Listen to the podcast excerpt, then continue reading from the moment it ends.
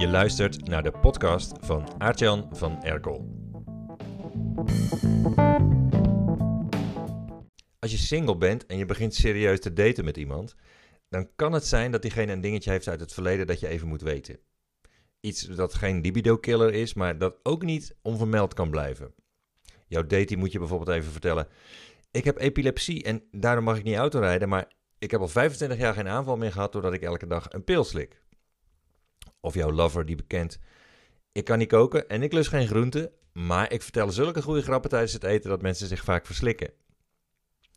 Wat is het moment waarop je een bekentenis van een geliefde het liefste wil horen? Tijdens een van de eerste dates?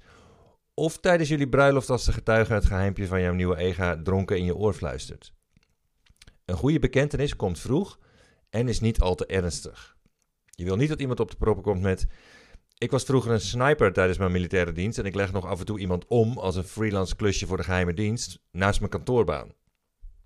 In de relatie met een klant luistert het ook nauw. Klanten willen graag het hele verhaal over jou horen en graag aan het begin van de relatie. Alleen doen veel ondernemers dat niet. Zij houden hun zwaktes angstvallig geheim en ze vertellen klanten alleen maar de positieve punten.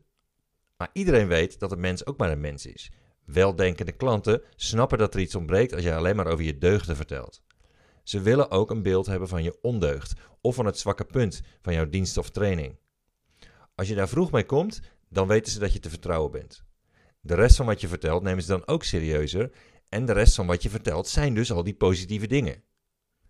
Er is een formule om in je marketing eerlijk te vertellen over je zwaktes.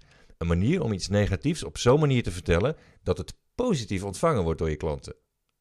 Als je dat goed aanpakt, dan zit je daarna geramd bij je klanten. Doe je het verkeerd, dan weten ze niet of ze je wel kunnen vertrouwen. De formule voor bekentenis copywriting is het onderwerp dat ik komende maand uitleg aan de members van het lab. Volgende week krijgen ze hem thuisgestuurd. Aanstaande maandag, 4 april 2022 om 5 uur s middags, sturen we hem naar de drukker. Wil je de formule in handen krijgen, meld je dan dus aan voor maandag 4 april 5 uur s middags als nieuwe member. Dat doe je via www.hetlab.online. Real talk. Oh ja, als je dit hoort na 4 april 2022, ga dan ook even naar www.hetlab.online, want dan vind je daar een gratis masterclass om het lab even uit te testen.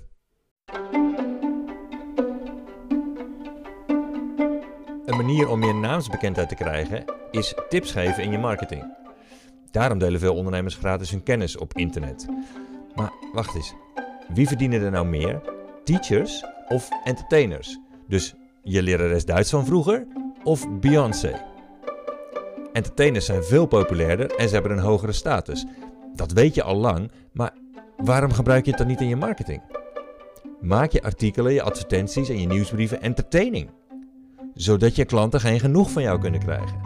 Stop met teachen, begin met teasen. In mijn nieuwe boek nummer 1 laat ik zien hoe je een superster wordt in jouw markt met onorthodoxe marketing. Je ziet bijvoorbeeld hoe je kapt met brave marketing waardoor klanten geeuwend afhaken. Hoe je nieuwsbrieven schrijft die je klanten hilarisch vinden, maar die je concurrenten niet durven te schrijven. En hoe je klanten charmeert tot op het bot door meer personality in je copywriting te leggen. Ik heb het liefste dat je het boek bestelt op managementboek.nl, waar het zojuist anderhalve maand op 1 heeft gestaan in de bestseller top 100. Of bestel via www.nummer1.online. En als je vijf boeken hebt gekocht om cadeau te geven, laat het me dan weten. Want dan stuur ik je gratis een zesde boek op, persoonlijk voor jou gesigneerd. Bestel dus via managementboek.nl of via www.nummer1.online